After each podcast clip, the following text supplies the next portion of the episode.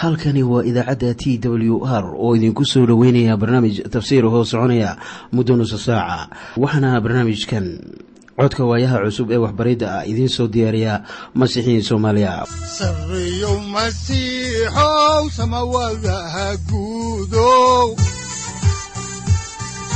Siraadkii adduunkow subanaha eebow sareyow masiixow samawadaha guudow siraadkii subanaha eebow adigoo samada jiro ifkaan soo saldhiganba adigoo soo saldhiganba kutubtiisanaye sifahaaga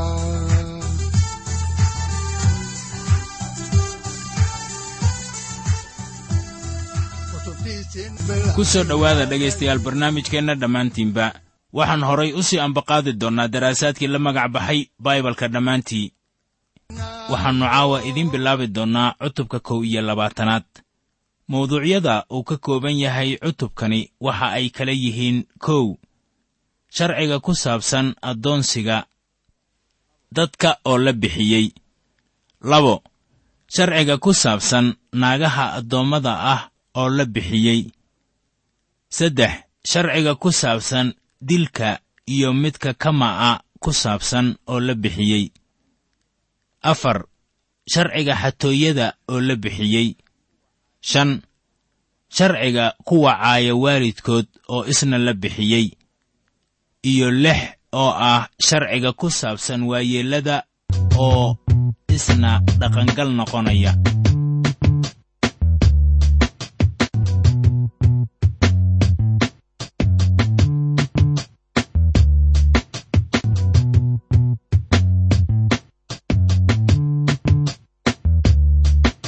Bashiirow masiixii kii bogaan barakaysanayna boqorkeenna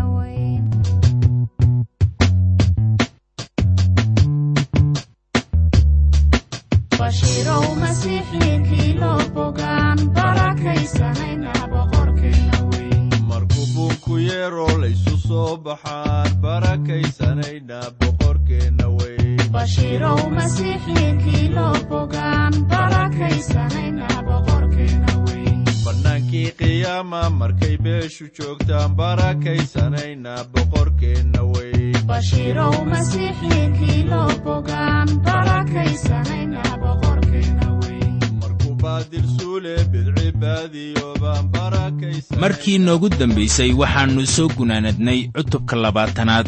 Haatanna waxaynu bilaabaynaa cutubka kow iyo labaatanaad ee kitaabkii labaad ee muuse oo la yidhaahda baxniintii iminkana aynu ku bilowno maaddada ah sharciga ku saabsan sayidka iyo addoonka xidhiirka ka dhexeeya cutubkan kow iyo labaatanaad waxaannu soo gaarnay sharcigii bulshada. Qaybtan sharciga ah waa mid aad iyo aad muhiim u ah wakhtigan waayo reer banu israa'iil waxay addoommo ku ahaayeen dalka masar haddaan markii ugu horraysay idiin bilowno xigashada cutubkan ayaa waxaa ku qoran cutubka kow iyo labaatanaad aayadaha kow ilaa laba sida tan. Haddaba kuwanu waa amaradii aad hortooda dhigi lahayd.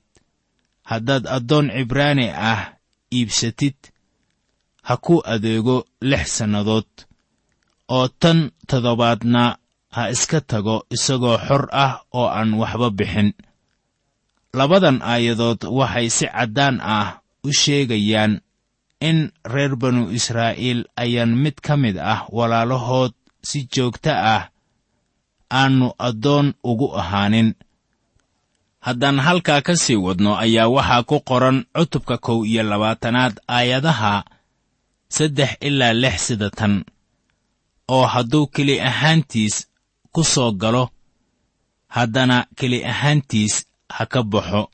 Hadduuse naag qabo dee markaas waa inay naagtiisu isaga la baxdaa. Haddii sayidkiisu naag siiyana oo ay wiilal iyo gabdho u dhasho dee markaas naagta iyo carruurteedaba waxaa iska lahaanaya sayidkeedii oo waa inuu isagu keligiis iska baxaa laakiinse haddii addoonku uu bayaan u yidhaahdo anigu waan jeclahay sayidkayga iyo naagtayda iyo carruurtayda oo anigoo xor ah bixi maayo dee markaas waa in sayidkiisu uu xaakinnada u keenaa oo waa inuu albaabka ag keenaa ama tiirka albaabka. Markaa sayidkiisu dhegta madac ha kaga dalooliyo oo weligiis ha u adeego sharciga wanaagsan wuxuu leeyahay haddii nin addoon uu yahay toddoba sanno kadib waa inuu isaga tagaa. Haddii uu guursadayna waa inuu naagtiisa kaxaysto haddii uu guursadayna intuu addoonka ahaa oo uu guursaday naag horay addoon ugu ahayd sayidkiisa. Markii toddobada sanno ay isaga u dhammaato isagu wuu tegi karaa keli ahaantiis laakiin naagtiisu waxay la joogaysaa kii lahaa isagu xur buu ahaanayaa laakiin iyadu xur noqon mayso. Haddaba jaceylka uu naagta u hayo iyo sayidkiisa aawadeed wuxuu go'aansan karayaa inuu addoonsii ahaado. Haddii uu goosto inuu sii joogo waxa weeye in sayidkiisu dhegta uu kaga duleeliyo mudac taasoo muujinaysa inuu weligii u adeegi doono sayidkiisa. Tanuna waa sawir qurux badan oo ku saabsan sayid ciise masiix.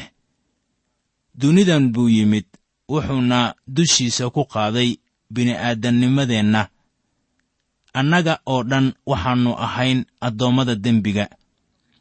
Isagoo xor ah ayuu iska tegi karay wuxuuna ku noqon karay samada iyo jegadii uu ku lahaa xagga ilaah. Isagoon marin iridda dhimashada. Ma ahayn inuu ku dhinto iskutallaabta laakiin isagoo oggol buu dunidan yimid oo wuxuu qaaday bini'aadannimadeennii waxaa ku qoran warqaddii rasuul bawlos uu u qoray dadka filibos cutubka labaad aayadda siddeed sida tan. Oo markuu nin u ekaaday ayuu is-hoosaysiiyey oo uu addeecay inuu dhinto xataa inuu iskutallaabta ku dhinto. Haddaan u leexanno zabuuradda oo ah gabayadii ilaah ammaanka ahaa ee nebi daa'uud ayaa waxaa ku qoran zabuurka afartanaad aayadaha lix ilaa siddeed sida tan. Allabari iyo qurbaan kuma aad faraxsanid oo anna dhegahaygii waad ii furtay. Qurbaan la gubo iyo qurbaanka dembiga midna ima aad weyddiisan oo markaasaan idhi bal eeg anigu waan imid oo kitaabka duuduuban wax igu saabsan baa ku qoran. Ilaahayow waxaan jeclahay inaan sameeyo doonistaada.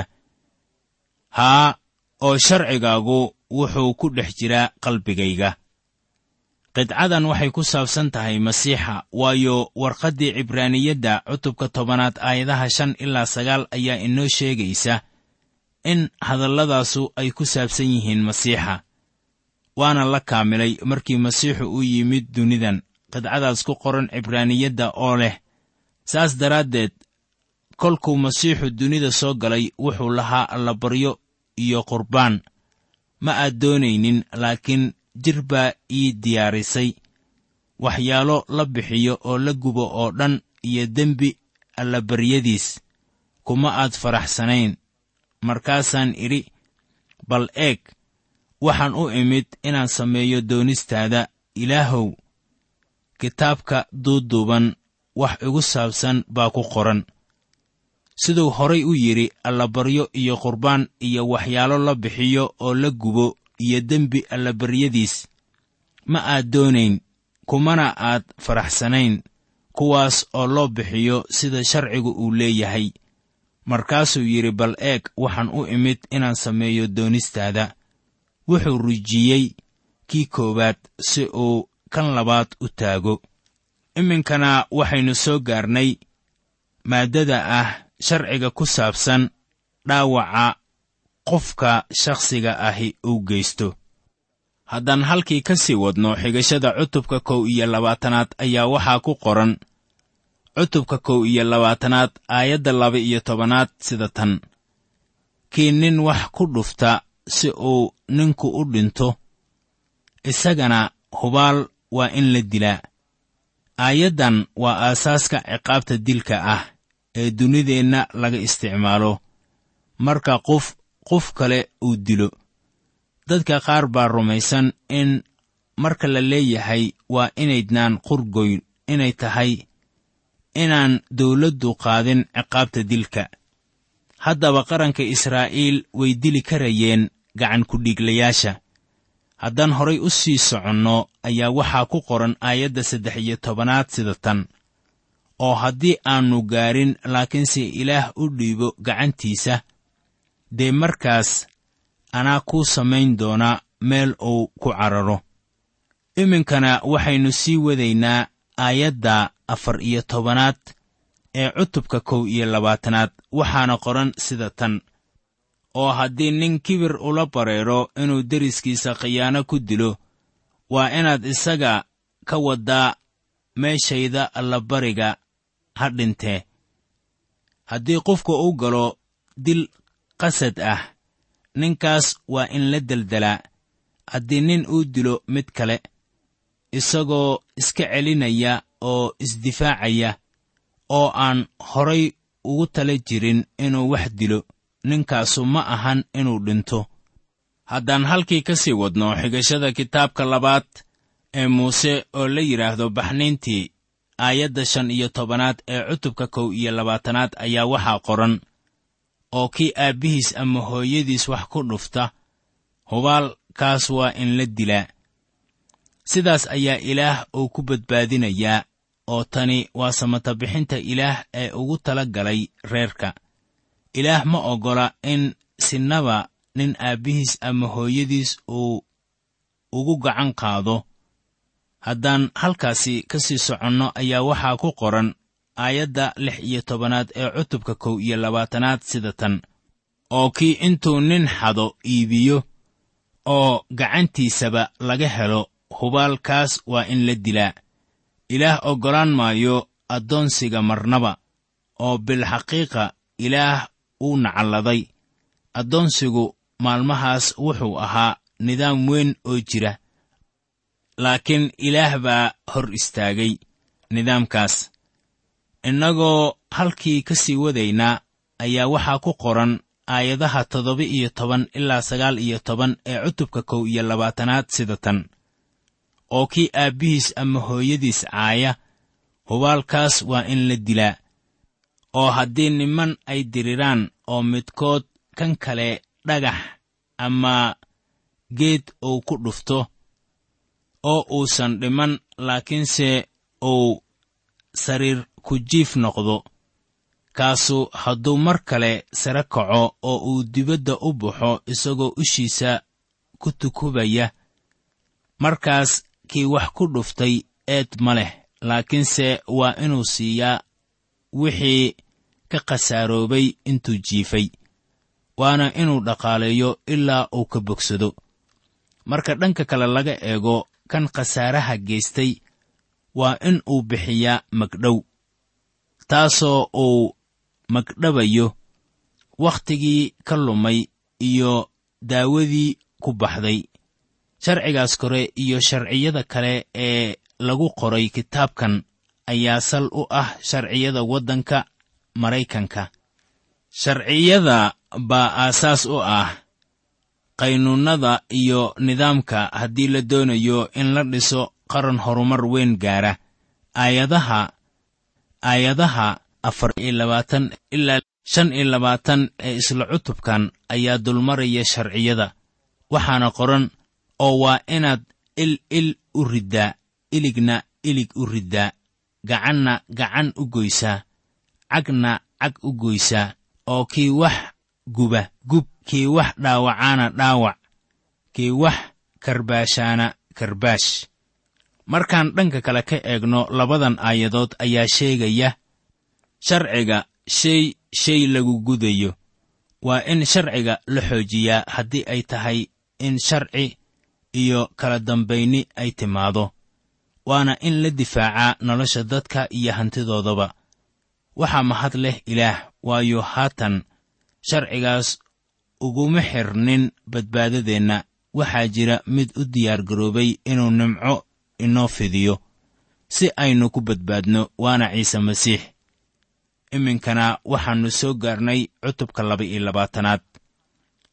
Waxaannu haatan nimid cutubka laba iyo labaatanaad ee kitaabkii labaad ee muuse oo la yidhaahdo baxniintii waxaanan haatan eegaynaa mawduucyada uu ka kooban yahay. Cutubkan oo waxa ay kala yihiin kow. Sharciga ku saabsan tuugannimada khasaaraha xadgudubka ammaahda macaasida sixirka xayawaanka sanamcaabudista iyo sharciga ku saabsan khariibka iyo carmalka. Iminkana aynu eegno aaraahda cutubkan. Cutubkan kow iyo labaatanaad ilaa iyo kan afar iyo labaatanaad ee kitaabka baxniintii ayaa waxaa khuseeya sharciga bulshada. Sharciyo aasaasi ah ayay leeyihiin bulsho waliba oo horay u martay.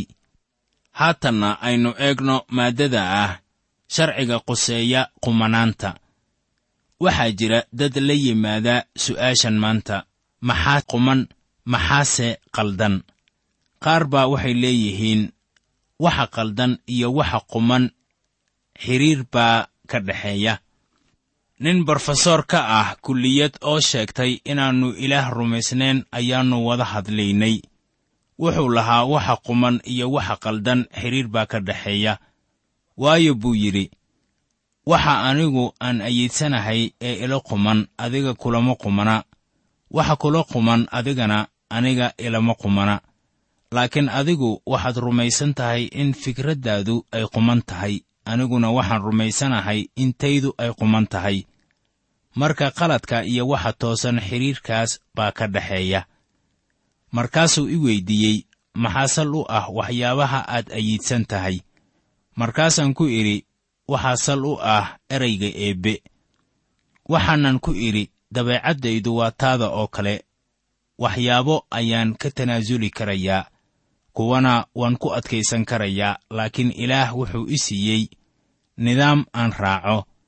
Tan xiisaha leh waxa weeye in nidaamka ilaah uu u diyaariyey beesha uu yahay mid leh cabbiraad sharci iyo caddaalad sharciyada ku qoran cutubka kow iyo labaatanaad ilaa iyo kan afar iyo labaatanaad ayaa si baahsan uga warramaya sharciyada aasaasiga ah ee nolosha.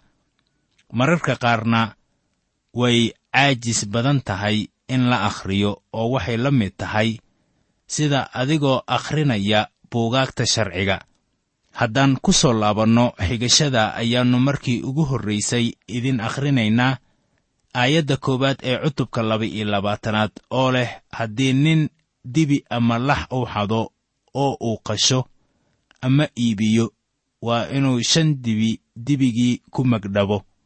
Laxdiina afar laxaad. Idin sheegi kari maayo waxaa shan dibi loogu magdhabayo hal dibi oo afar laxaadna loogu magdhabayo hal lax. Sharciyadii ilaah ee ah in afar jibbaar la magdhabo wixii la lunsaday ayaa ku wanaagsan dabeecadda dadka waayo waa wax raalli laga noqon karayo. Haddii ay tahay inaan afar jibbaar u magdhowno hantidii aan lunsannay ama khasaarihii aad baan uga taxadiraynaa inaynaan waxba lunsan dabeecadda dadku mar waliba waa sideedii.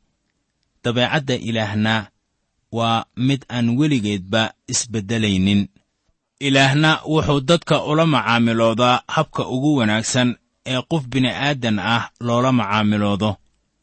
Haddaan halkaasi ka sii soconno aynu eegno kitaabka baxnintii cutubka laba iyo labaatanaad aayadda labaad oo leh haddii tuug la helo isagoo guri u dhacaya oo inta wax lagu dhufto uu dhinto markaas kii dilay dhiig eed kuma laha. Sharcigan wuxuu ku siinayaa xaqa ah inaad isdifaacdo. Beri dhoweyd ayaa tuug uu soo jebiyey nin gurigiis oo ninkiina wuu toogtay tuuggii. Markaasaa tuuggii wuxuu ka dalbaday ninkii guriga lahaa inuu ugu magdhabo kumannaan dollarka maraykanka ah.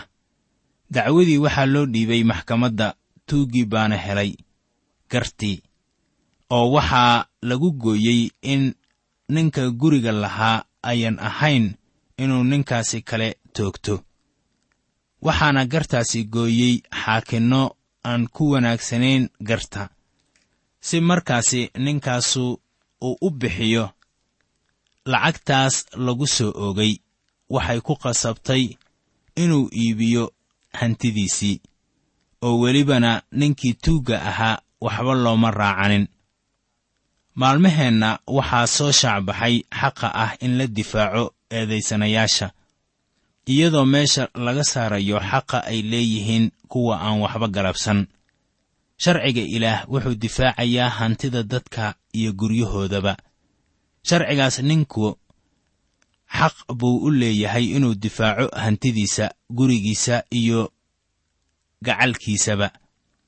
Sharciyada ilaah waa aasaaska nidaam siinaya beesha amar iyo kala dambayn haddaan halkii ka sii wadno kitaabka ayaa waxaa ku qoran kitaabka baxniintii cutubka laba iyo labaatanaad aayadda saddexaad sida tan. Haddiise qorraxdu u soo baxdo markaas dhiigga eed buu ku leeyahay. Waa inuu u soo celiyaa. Hadduusanse waxba haysan dee markaas waa in isaga la iibiyaa tuugannimadiisii aawadeed. Haddii nin wax uu xado waa inuu dib u bixiyaa wixii uu xaday. Weliba tuugannimadiisii aawadeed waa in addoon ahaan loo iibiyaa si uu u bixiyo wixii uu xaday haddaan halkaasi ka sii wadno ayaa waxaa ku qoran cutubka laba iyo labaatanaad aayadda shanaad sida tan. Haddii nin beer canab ah ama beer kale uu xoolo daajiyo oo uu neefkiisa ku sii daayo si uu nin kale beertiisa u daaqo dee markaas waa inuu meesha beertiisa ugu wanaagsan iyo meesha beertiisa canabka ah ugu wanaagsan ugu magdhabaa haddii nin debigiisa ama idihiisa uu ku sii daayo beer nin kale leeyahay oo ay khasaare geystaan waa inuu khasaarahaasi bixiyaa. Haddaan halkaasi ka sii wadno kitaabka ayaa waxaa ku qoran aayadda lixaad ee cutubka laba iyo labaatanaad sida tan. Haddii dab baxo oo uu qodxanta qabsado oo uu wada gubo xidhmooyinka sarreenka ah ama sarreenka welibaalka ku yaal ama beerta oo dhan markaas kii dabka shiday waa inuu magdhabaa aayaddan waxay sheegaysaa wax waliba inay ficil noqdaan. Wixii aad hadlayso waa inaad bixisaa waxaanay tibaaxaysaa habka quman ee wax loo samaynayo. Waxaana taasu ay noqonaysaa mabda' kale oo u wanaagsan dadka dhulka deggan. Haddii lagu dhaqmo ilaah wuxuu reer banu israa'iil siiyey sharcigii muuse si markaasi ay tusaale ugu noqdaan qaramada dunida. Haddaan halkaasi ka sii wadno kitaabka labaad ee muuse oo la yidhaahdo baxniintii ayaa waxaa ku qoran cutubka laba iyo labaatanaad aayadda lix iyo tobanaad sida tan. Oo haddii nin sasabto gabarh bigrad ah oo aan doonayn oo uu iyada la seexdo dee markaas waa inuu yarad ka bixiyo oo uu guursadaa iyada. Marka dhanka kale laga eego haddii nin uu kufsado gabarh wuxuu ku qasban yahay inuu guursado ha yeeshee maalmaheenna xaalku sidaas ma ahan. Haddaan ka sii soconno taas ayaa waxaa ku qoran cutubka laba iyo labaatanaad aayadda toddoba iyo tobanaad sida tan. Haddiise aabbaheed innaba u diido inuu isaga siiyo dee markaas waa inuu bixiyaa intii gabarh bigrad ah yaradkeedu yahay. Haddii aabbaheed aannu oggolaan ayaa la qoray kii wax kufsaday waa inuu bixiyaa magdhow eeddii uu galay. Haddaan ka sii soconno ayaa aayadda siddeed iyo tobanaadi ay leedahay. Saaxirad inay sii noolaato waa inaanaad u fasixin. Maanta waxaan arkaynaa inay sare u kacday shayddaan caabudistu iyo saaxirnimada khatartan waa mid xoog leh waana hubaal inay jirto. Waxaanse si baahsan uga warrami doonnaa sharcigaas lagu xukminayo sixirowyada. Markaan gaarno kitaabkii shanaad ee muuse oo la yidhaahdo sharciga ku noqoshadiisa. Haddaan horay u sii ambaqaadno kitaabka baxniintii ayaan haatan eegaynaa cutubka laba iyo labaatanaad aayadda sagaal iyo tobanaad oo leh ku alla kii neef u galmooda hubaal waa in la dilaa. Haddii nin uu u tago xayawaan ayaa taasu ay muujinaysaa sida dadka ay u hooseeyaan. Muxuu ilaah u sameeyey sharci caynkan oo kale ah. Waa hagaag waayo sidaan waa la sameeyey. Waxaanan u aragnaa in sidaas la sameeyo inay tahay waxaan laga hadli karin oo aad u xun. Haddii aynu nahay bulshada maanta nool haddaan horay ugu sii soconno ayaa waxaa ku qoran aayadda labaatanaad ee cutubka laba iyo labaatanaad sida tan. Kii wax u bixiya ilaah kale oo aan rabbiga keligiis ah ahayn kaas waa in dhammaantiis la baabi'iyaa. Aayaddan dabcan waxay sheegaysaa sharci ciqaab daran wata. Haddaba waxaan raaci lahaa sharcigan. Waxaynu lahaan lahayn beel aad u wanaagsan. Markii la baabi'iyo qofka wax u bixiya ilaah aan ahayn rabbiga ayaa noqonaysa ciqaab daran laakiin si kastoo ay tahayba. Haddii aad qabto cudurka kansarka waa inuu adigana ku gallaaftaa sanam caabudkuna waa cudur adiga ku galaafanaya sida ilaah uu leeyahay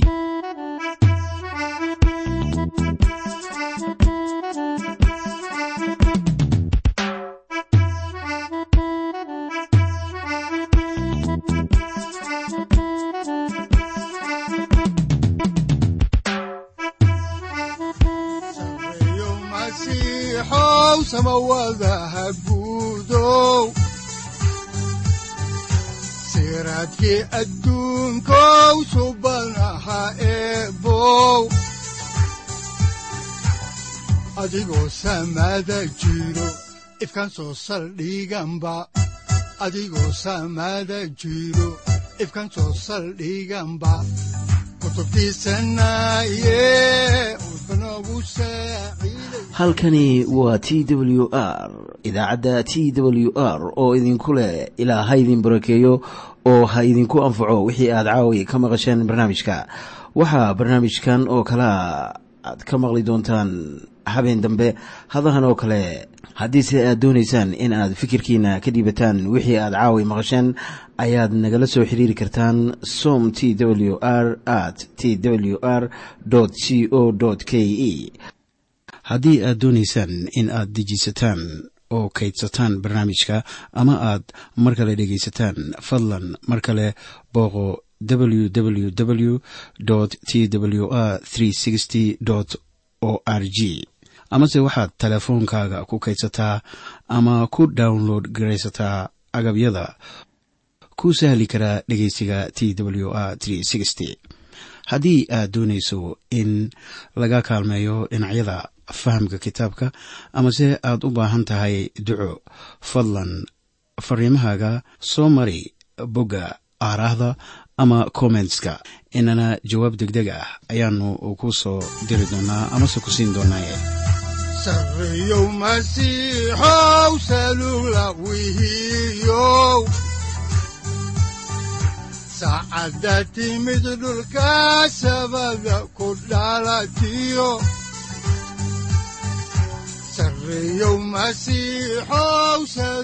halkani waa t w r oo idiin rajaynaya habeen baraare iyo barwaaqaba leh. Inta aynu ka gaari doono wakhti aynu ku kulanno barnaamij la mida kan caawayay aad maqasheen. Waxa aan idinku leeyahay nabadda ciise masiix ha idinku badato xagga jidhka iyo ruuxaba. Aamiin